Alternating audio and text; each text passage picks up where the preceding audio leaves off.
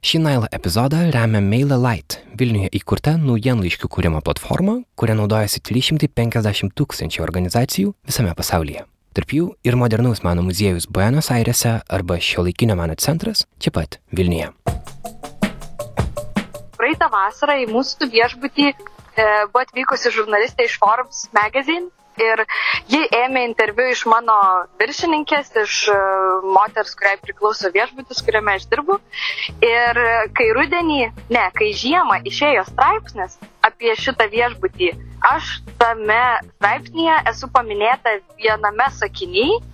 Tiesiog yra parašyta tai, kad aš esu jauna emigrantė iš Rytų Europos. Aha. Ir tas sakinys visiškai nieko, jis visiškai nieko neprideda tekstui, jis visiškai neprideda jokios informacijos ar nieko nepaaiškina, bet vis tiek žurnalistė kažkodėl, net nepasivarginus paklausti mano vardo, vis tiek nusprendė, kad reikia tai paminėti. Ir mane tas visiškai išmušė iš vėžių, kai aš perskaičiau tai, nu, nežinau, tokiam tarptautiniam žurnale, tarptautiniam e, interneto portale.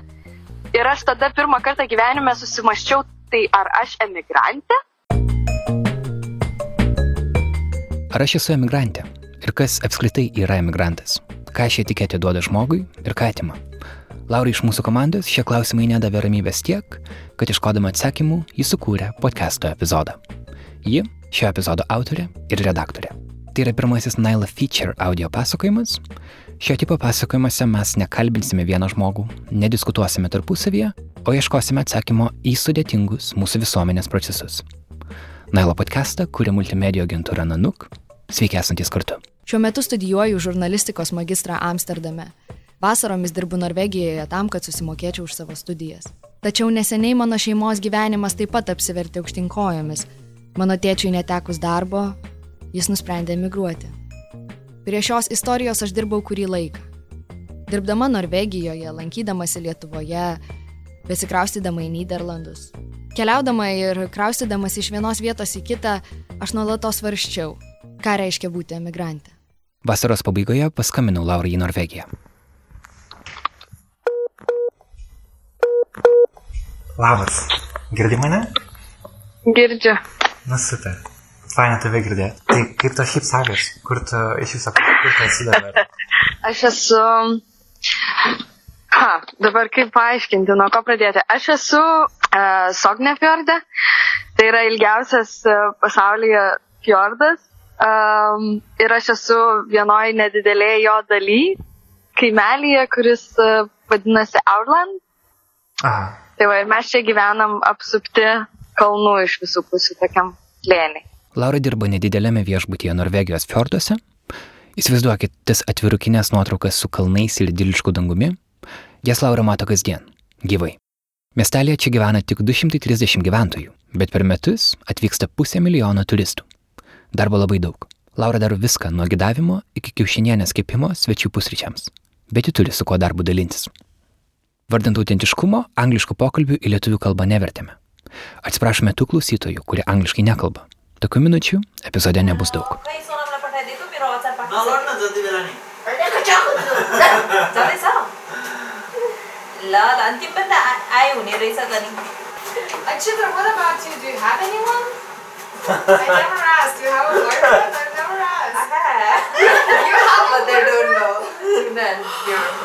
They don't know.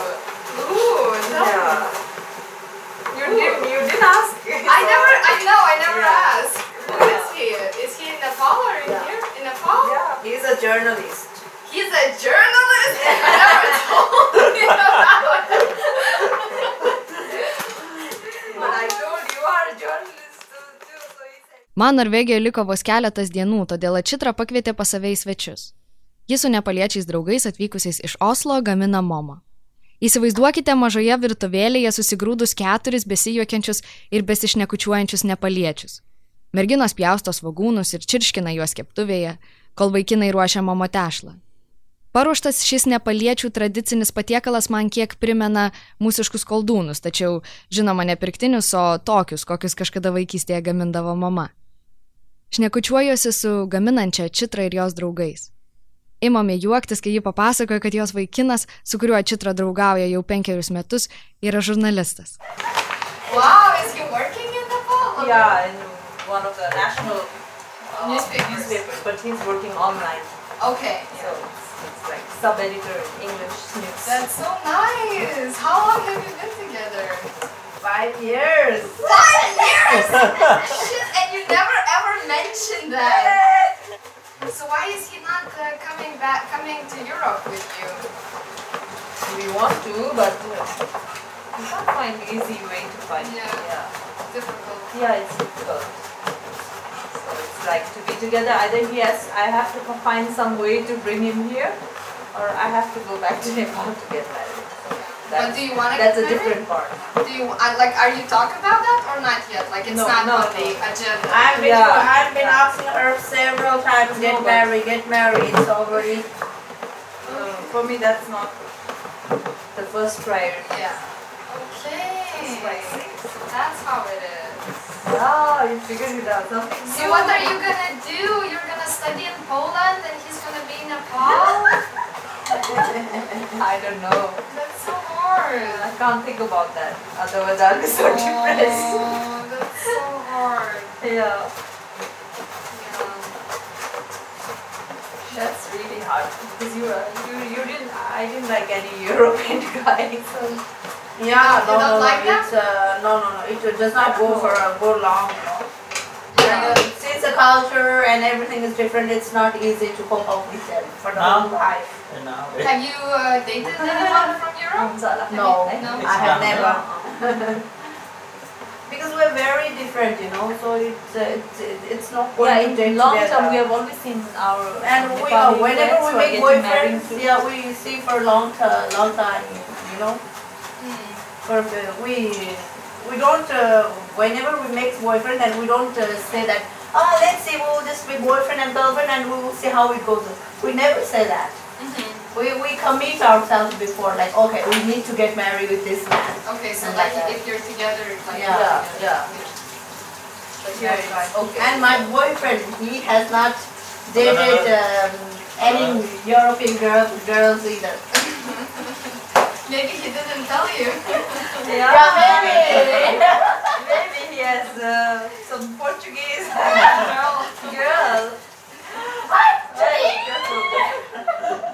Mudvi su Čitra esame kaimynės. Dirbame netoli vienas nuo kito esančiuose viešbučiuose. Kartais Ačitra atrieda su dviračio aplankyti kartu su manimi dirbančio šerpos neimą. Pamažu ir mudvi su ją susidraugaujame. Į Norvegiją jie atvyko prieš septynerius metus ir nuo to laiko grįžta čia kiekvieną vasarą. Jis studijuoja socialinius mokslus ir psichologiją Katmandu, rugsėjo mėnesį baigė bakalauro studijas ir svarsto, ką daryti toliau, galbūt tęsti magistrą Lenkijoje. Darbas Norvegijoje jai būtinas tam, kad galėtų susimokėti už savo mokslus. Kiekvieną kartą susitikus aptarėme naujausias dramas įvykusias darbe, pasiskundžiam viena kitai apie viršvalandžius, pasvajojam, ką veiksim, kai baigsim universitetus. Su Očitra norėjau pasikalbėti todėl, kad mūsų patirtys yra labai panašios.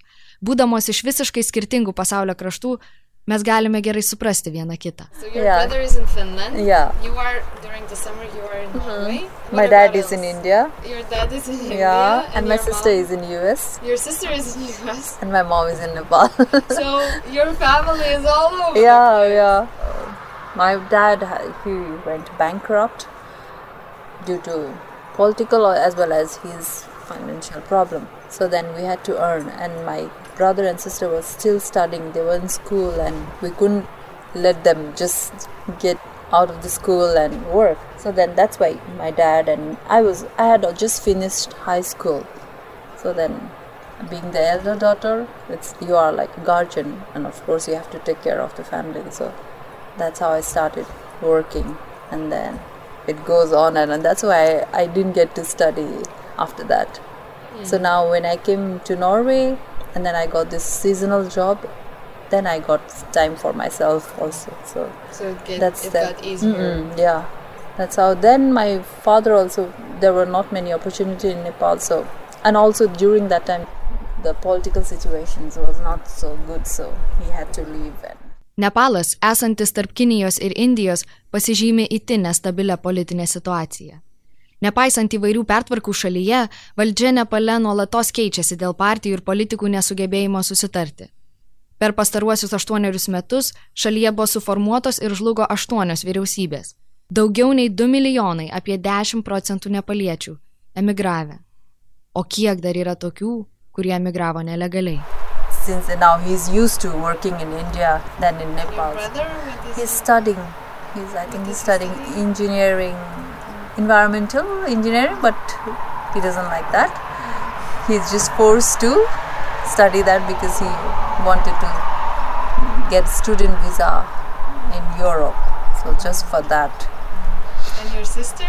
My sister now she has joined US Army and she has just graduated and yeah. When do you meet each other? Do you is there any time in the year when you get together? or- No, I think you won't believe we met just last time, this June. Uh, my sister came home after eight years. Yeah, and like uh, my dad and my brother, they met after 15 years.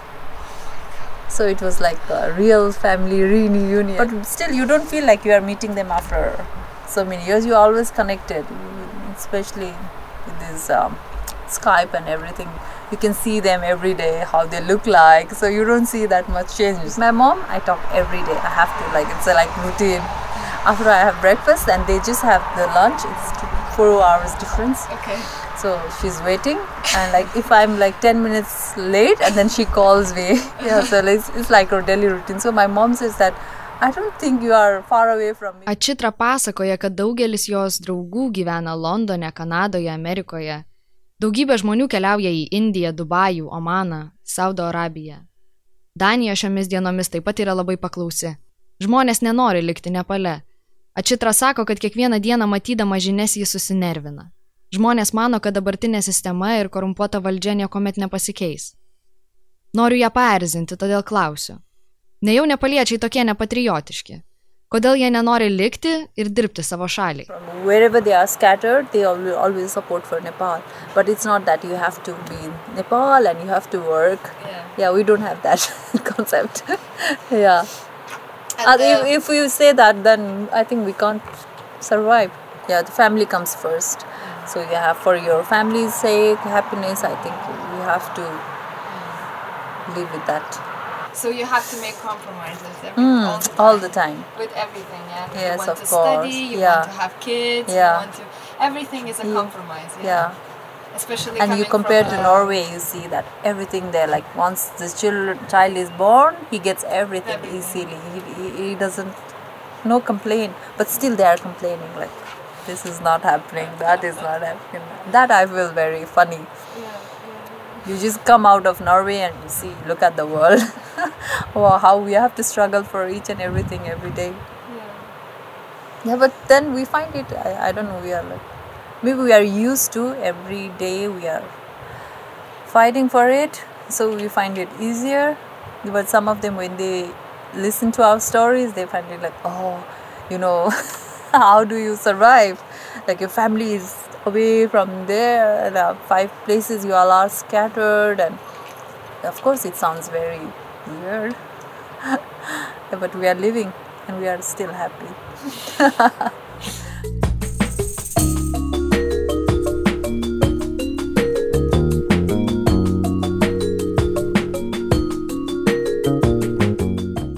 Eidama namo po pokalbio su Ačitra prisiminiau vieną frazę pasakytą čia gyvenančios draugės, jog ši vieta - tai gražiausias kalėjimas žemėje.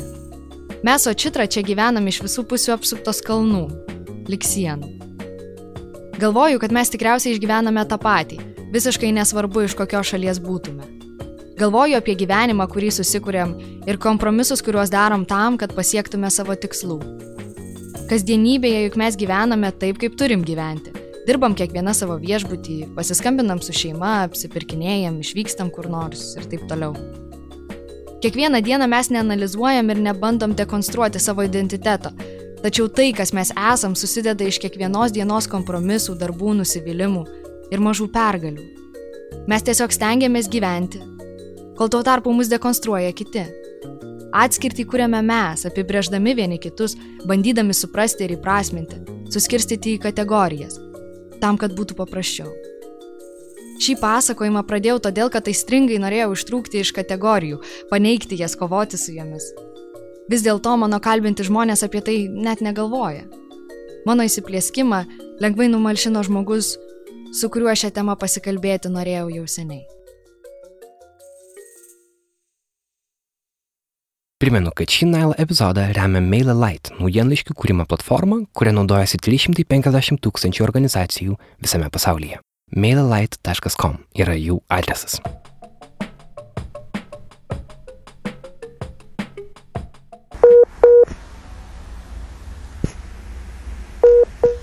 Labas.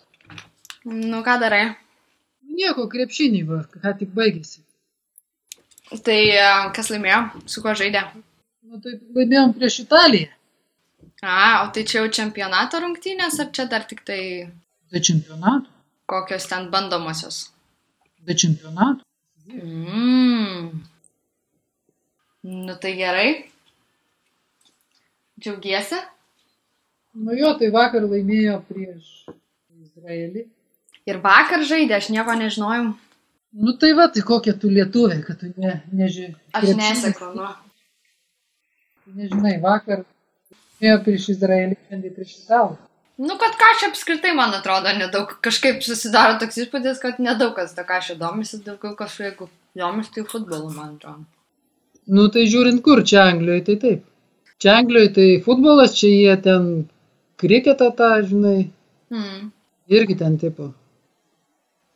Taip, Norvegijoje um, futbolas, man atrodo, populiaresnis ir, ir Danijoje lygiai ir aš dabar neatsimenu, bet, nu, kad kažkaip aplinkui čia, kad nelabai tą kažką kas ir domisi, nežinau, išskyrus mus. Ne, tai kaip, kaip pasakai, kaip aš nekitai žino visi, daug mažinai ten. Sako, Valanciūnas, Sabonis, tau taip sako, nes man tai visą laiką taip sako, jeigu apie krepšinį, jeigu pasakai, kad lietuvė ir kas nors domisi krepšiniu, tai sako Sabonis. Ir tada žiūri, kaip tu pu- pu- pulsi ten plot katučių jiem, kad jie žino Sabonį, žinai. Nu tai taip. Jeigu ji- jis nelietuvis žino Sabonį, nu tai jau jisai tikrai domisi. Jau tikrai domisi. Nu tai taip, o tu pasakyk, kiek tu, pavyzdžiui, Aš iš viso nieko nežinau, baigti. žinai krepšininkų kokios nors kitos šalies. Žinau, palauk. Žinau, nu nežinau šiaip nieko. Žinau tik tai išveido tą aukštą ispaną, e, kur žaidė čia irgi su lietuviais kažkada. Gazolis? Gazolį, va. Ta išveido tai pažinčiau, bet kažko, nu, va, kažkodėl jis man įstrigo. O daugiau tai aš iš viso nieko nežinau. Nu, tai yra broliai Gazolis. Jau aštuoneri mėnesiai mano tėtis išvažiavęs. Prieš du su pusę metų jis prarado darbą ir po nesėkmingų paieškų Lietuvoje jis išvažiavo į Airiją, kiek vėliau į Angliją. Tėtis sako, kad iš pat pradžių nujautė, kad tikriausiai išvažiuoti teks. Aš taip pat nujaučiau. Atrodė, jog Lietuvoje jis nebereikalingas. Kvalifikuoto jo profesiją ir patirtį atitinkančio darbo rasti nepavyko, todėl galų gale po naujųjų metų vasario mėnesį mano tėtis susikrovė daiktus ir turėjo pradėti savo gyvenimą iš naujo. Daug galvodavau apie tėtį, kaip jis laikosi, ką veikia, ar yra ne vienišas. Vis varščiau, kaip prie jo gana uždaro žmogaus priartėti. Norėjusi su juo pasikalbėti ir pabandyti suprasti. Kaip aš atsidūriau Anglijoje, pasiūlė darbą čia Anglijoje, taip ir atsidūriau. O ką tu, pavyzdžiui, šiaip, va, tarkim, galvoji, man tai čia buvo, kai mes čia buvom vienu metu, um, kai Karolis buvo Australijoje, aš Danijoje buvau, mama Lietuvoje, tu dar Airijoje dar buvai, nebuvai išvažiavęs į Angliją.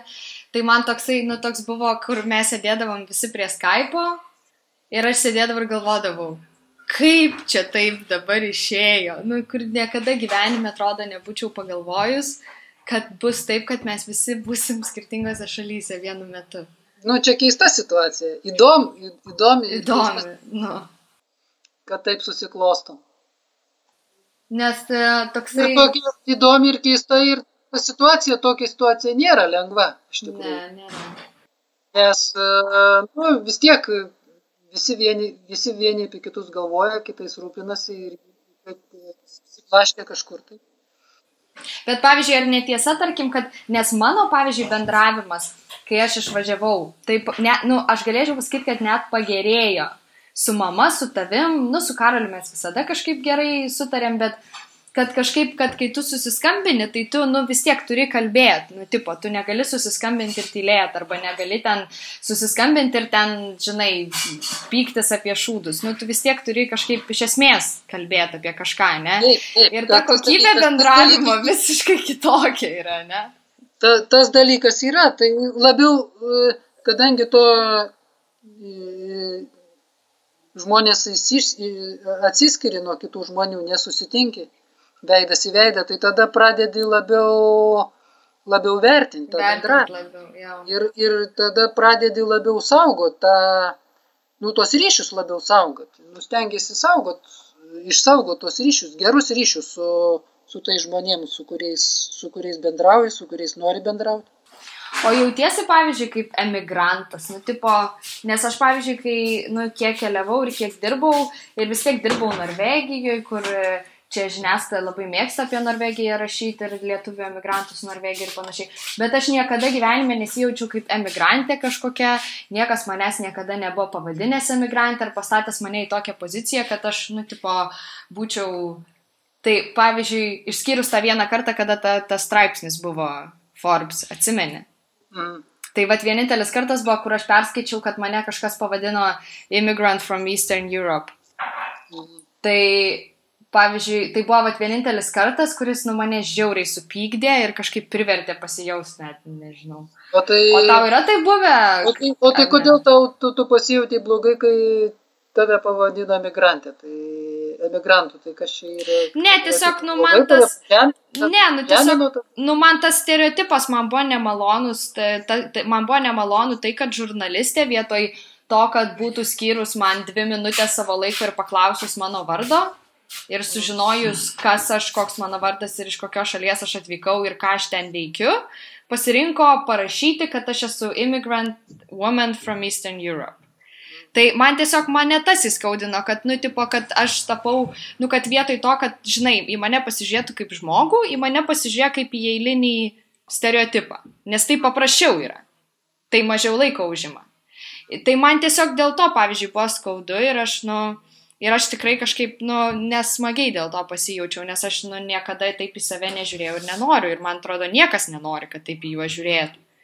Bet aš... Kaip į, kaip į emigrantus? kaip į emigrantus, kaip į kažkokius tai, nu nežinau, nu, to, tuos, tų, tų klyčkų toks dėliojimas, žinai, kad, kad nu, vat, mes visi, mes visigi esam, nu, patys savo unikalūs, ne, ir mes visi, nu, turim savo gyvenimo istorijas. Bet kai tave pavadina immigrant from Eastern Europe, tai tu tampi ten kažkokio, kažkokios, kažkokios masės dalim, žinai. Nu, tipo. Tai Ta, bet- tau taip bet- nebūna, tu, tu tau taip ne, netrodo? Ne, tai, bet tai taip, bet pavyzdžiui dabar, dabartiniai mano kolegos, žinai. Mm. Tai jiegi supranta, kad e, mes esam atvažiavę, mes esame emigrantai, Vi- visi kita žino, kad mes esame emigrantai ir mes atvažiavam čia užsidirbti. Mhm. Užsidirbti pinigų ir e, paremti savo šeimas ar ten išspręsti savo kažkokias finansinės problemas ir panašiai. Aš ką noriu pasakyti, kad e, e, vietiniai žmonės, kurie, su kuriais tu bendrauji ir su kuriais dirba, tai, tai, tai jiegi, žino, jiegi žino, iš kokios šalies tu atvažiavai ir, ir ko tu čia atvažiavai. Nu, taip. Ta prasme, tai čia Bet nėra. niekada tas nėra akcentuojama, žinai, nu, tipo, bent kai tu bendrauji, tu, nu, tu niekada apie tai. Niekas, nu, bet, bet, bet niekas, niekas dėl to, bet niekas dėl to, bent jau kiek aš čia bendrauju, tai niekas dėl to tavęs nesmerkia, ar tavęs nežemina, ar, laik, ar galvoja, kad tu dėl to tu esi ten kažkoks e, blogesnis. Blogesnis ar kažkoks kitoks. Mm. Tu esi toks pat žmogus, aišku, tu esi ne vietinis, tu esi atvažiavęs, emigrantas, tai bendravimas su tavimi irgi bus natūraliai biški kažkiek rezervuotas, negu kad jie, kad vietiniai žmonės tarpusavį bendrauja. Mm. Bet e, iš tikrųjų tai niekas dėl to tavęs nei tavęs nesmerkia, nei tavęs, nei tavęs nežemina, nei tavęs ne, ne kažkaip nelaiko ten kažkokiu dėl to trečia rūšių ir panašiai. O tai kaip, kaip jautėsi, nes aš tai kažkaip įsivaizduoju, nu čia toks studentiškas, tu toksai tipo grįžai po, nežinau, kiek čia 40-30 metų atgal į studentiškus laikus, kada, nu, tarsi viską nuo nulio pradedi daryti. Nu, man tai toks Panašiai, įspūdis. panašiai, panašiai. Kažkuria tai, kažkuria tai prasme tai buvau tam pasiruošęs, tai tiesiog buvo sunku ir ir teko savarankiškai, savarankiškai ten daryti visokius darbus, kuriuos Kuriuos padarydavo kartais mama. kuriuos anksčiau padarydavo, kuriuos anksčiau nereikėjo padaryti. Dabar teko vėl iš naujo viską išmokti ar, išmokti ar prisiminti ar panašiai. nu jo. Bet aš negalvojau, kad, nu, vat, noriu greičiau grįžti namo ar panašiai, nes e, kadangi jau du su pusę metų prieš tai namuose ieškojau darbo ir e, jau kažkaip buvo akivaizdu, kad nėra, nėra, nėra kur grįžti nėra čia ko grįžti. Kai paklausiau, ar mano tėtis norėtų, kad grįžčiau į Lietuvą, jis prisipažino, kad jam dėl to būtų ramiau. Vis dėlto apie grįžimą kol kas tikrai dar negalvoju. Negalvoju ir jis. Iš įrašo tikriausiai girdėti, kad mes gerokai skiriamės. Jis ramus, lėtas, apgalvotai dėliojantis mintis. Aš dažnai išsiplieskiu ir užgestų kaip degtukas, tačiau mums besikalbant jaučiu, kaip mano pyktis pamažu tirpsta. Jo praktiški argumentai iš tiesų atrodo prasmingi. Pradėjus kurti šį pasakojimą manęs nepleido mintis, kad mes visi esame migrantai, nuolatos keliaujantis ir ieškantis. Baigiantis mūsų pokalbiui pasinaudojau senų žurnalistiniu triuku ir paklausiau jo, ar yra kažkas, ką jis norėtų pridurti. Tokio atsakymo iš tiesų nesitikėjau. Teti, tu perskaitai mano mintis. Dar norėčiau čia paminėti tokį atsitikimą. Mhm. Čia, kur aš gyvenu dabar, tai gyvena toksai, tokia šeima. Mhm. Ir, e, nu, su, su, tiesiog kaip tie angliški sublokuoti namai, tai čia duris šalia visiškai. Mhm. Ten gyvena tokia šeima ir gyvena toksai senukas. Jis jau ir sunkokai vaikšto, nes e, važinėja, nes e, kai išvažiuoja pasivaikščioti, vedžioti savo tą, turi tokį šunį, tai važiuoja su tuo elektriniu vežimėliu. Mhm. Tai jisai vieną kartą mane sustabdė tiesiog. Nu, taip mes susitinkam, pasisveikinam, kaip čia įprasta. Kaimynai visi sveikinasi tarpusavį. Dažniausiai sveikinasi. Ne visada, bet dažnai žmonės tiesiog sveikinasi. Tai bet vieną kartą jisai mane sustabdė ir paklausė, iš kur aš esu. Tai aš pasakiau, kad aš atvažiavau iš Lietuvos. Tai jisai tada man papasakojo, kad jo senelis yra iš Lietuvos irgi. Mhm. Ir jo senelis e, atvyko į Angliją 1915 metais ir čia apsivedė, bet po to, kai prasidėjo ten e, Rusijoje revoliucija ir viso, visokie šitokie reikalai, kažkodėl tai jisai buvo deportuotas aš, iš čia, buvo deportuotas iš čia atgal, ar tai į Lietuvą, ar tai į Rusiją ir, ir jau niekas jo nematė, jisai mirė tenai. Nu, kaip jisai sako, galbūt Rusijoje. Tai va, tai tas senukas dabar norėtų, reiškia, surast savo kažkokias tai šaknis, galbūt išsiaiškinti, kas atsitiko tam, tam jo seneliui.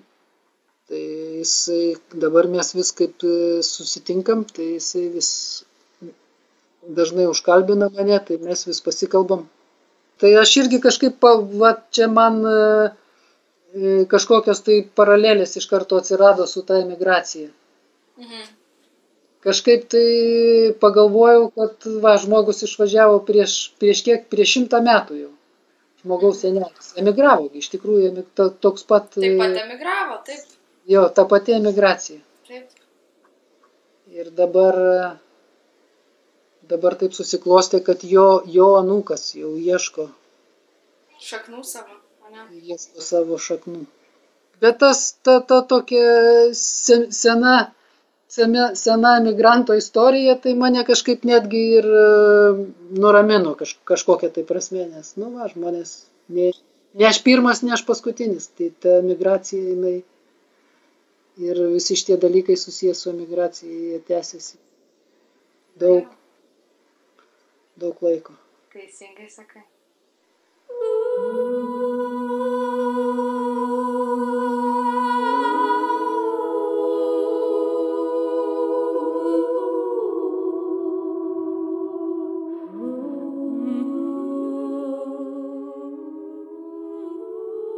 Sakyk, Leonora, ar galvoji tasik apie namus? Ar žiūrėdama į baltas pakrančių atbrailas, į žalius akiračius ir vakarą? Denėje buvo pilna žmonių ir šoko, ir kažkas dainavo, ir grojo bandžu. Mes stovėjome prie atramos, klausydamės muzikos, žiūrėdami į liepsnojantį paliseit lanką, gerdami svaiginančią, mistišką, skausmingą Amerikos naktį užburiančią ir kerinčią, nebepaleidžiančią, apgaubiančią, paneriančią, trinančią prisiminimus, trinančią ilgesius, praeitį, traukiančią į save į pat vidurį. Ir žmogus vis grojo bandžu, ir kažkas dainavo, ir šoko, ir liepsnodamas degė palseits lankas, ir naktinio New Yorko šviesos. O ar nebuvo kiekviena vieta, pamatymas, sustojimas, kiekviena minutė namai? Ar nebuvo skausmingas kiekvienas atsiskirimas? Ar nebuvo namai? Ar nebuvo viskas vien susirišimai, vien susirišimai ir atsiskyrimai? Neklausk manęs, neatsakyt, ką turiu. Alkanas vis, ištroškęs, gerdamas godžiom akim, ir nepasotinamam kiekvieną naują akiratį, kiekvieną veidą, upę, aikštės ir tiltus. Prisiriždamas lygiai prie visko ir skausmingai ir plėšomas, kai atsiskirdamas. Mekas Jonas. Eilėrašiai. New York. Fluxus. 1972 metai.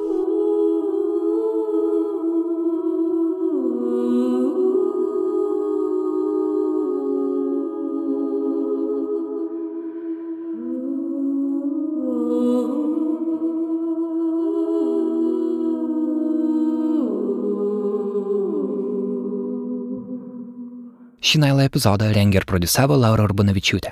Jai padėjau aš, Karolis Višniauskas. Tinklalapyje naila.nanuk.lt rasite Lauros dalytų fotografijų iš jos darbo Norvegijoje.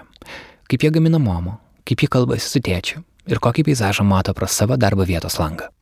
Ką tik nuskambėjusi kompozicija vadinasi Garden Voices, jos autorius yra Jonas Jurkūnas. Už pagalbą surandant šį kūrinį dėkojame Edvardui Šumilai. Jono Meko eilių ištrauką skaitė Dainius Tarutis.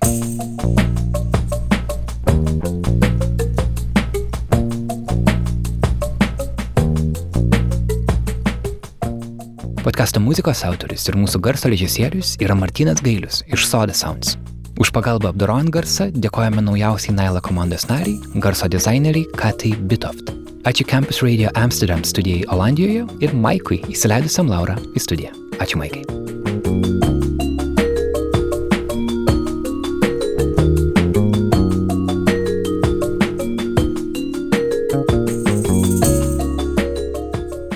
Ir žinoma, ačiū naujausiams Patreon rėmėjams - Jevai Balsiūnaitai, Adomui Šimkui, Augustai, Lukui Keraičiui, Andriui Vaicenavičiui, Kristinai Gruodytai, Gediminui Andriukaičiui, Ramūniai Ragauskaitai ir Gintariai Zolubaitai. Prie podkasto kūrimo galima prisidėti adresu patreon.com nanuk multimedia, kaip vienas žodis. Jūsų prisidėjimas leidžia mums kurti naujus epizodus, o taip pat rėmėjams mes turime dovanų. Nuo Nanuk atvirukų iki gyvo susitikimo su Nanuk žurnalistų komanda. Nėra teisingo būdo, kaip kurti podcastą. Kiekvienas epizodas mums patiems yra nauja pradžia, bet labai laukiame jūsų reakcijos, kas pavyko, kas ne, kas patiko, kas erzino. Parašykite mums į naila.nanuk.lt arba tiesiog į nanuk Facebooką. Naujas Naila epizodas jūsų lauks kitą ketvirtadienį 12 val. adresu nanuk.lt arba jūsų telefono podcastų programėlėje, kad ir kokią ją naudojate. Ačiū, kad klausote. Greitai susitiksim. Iki.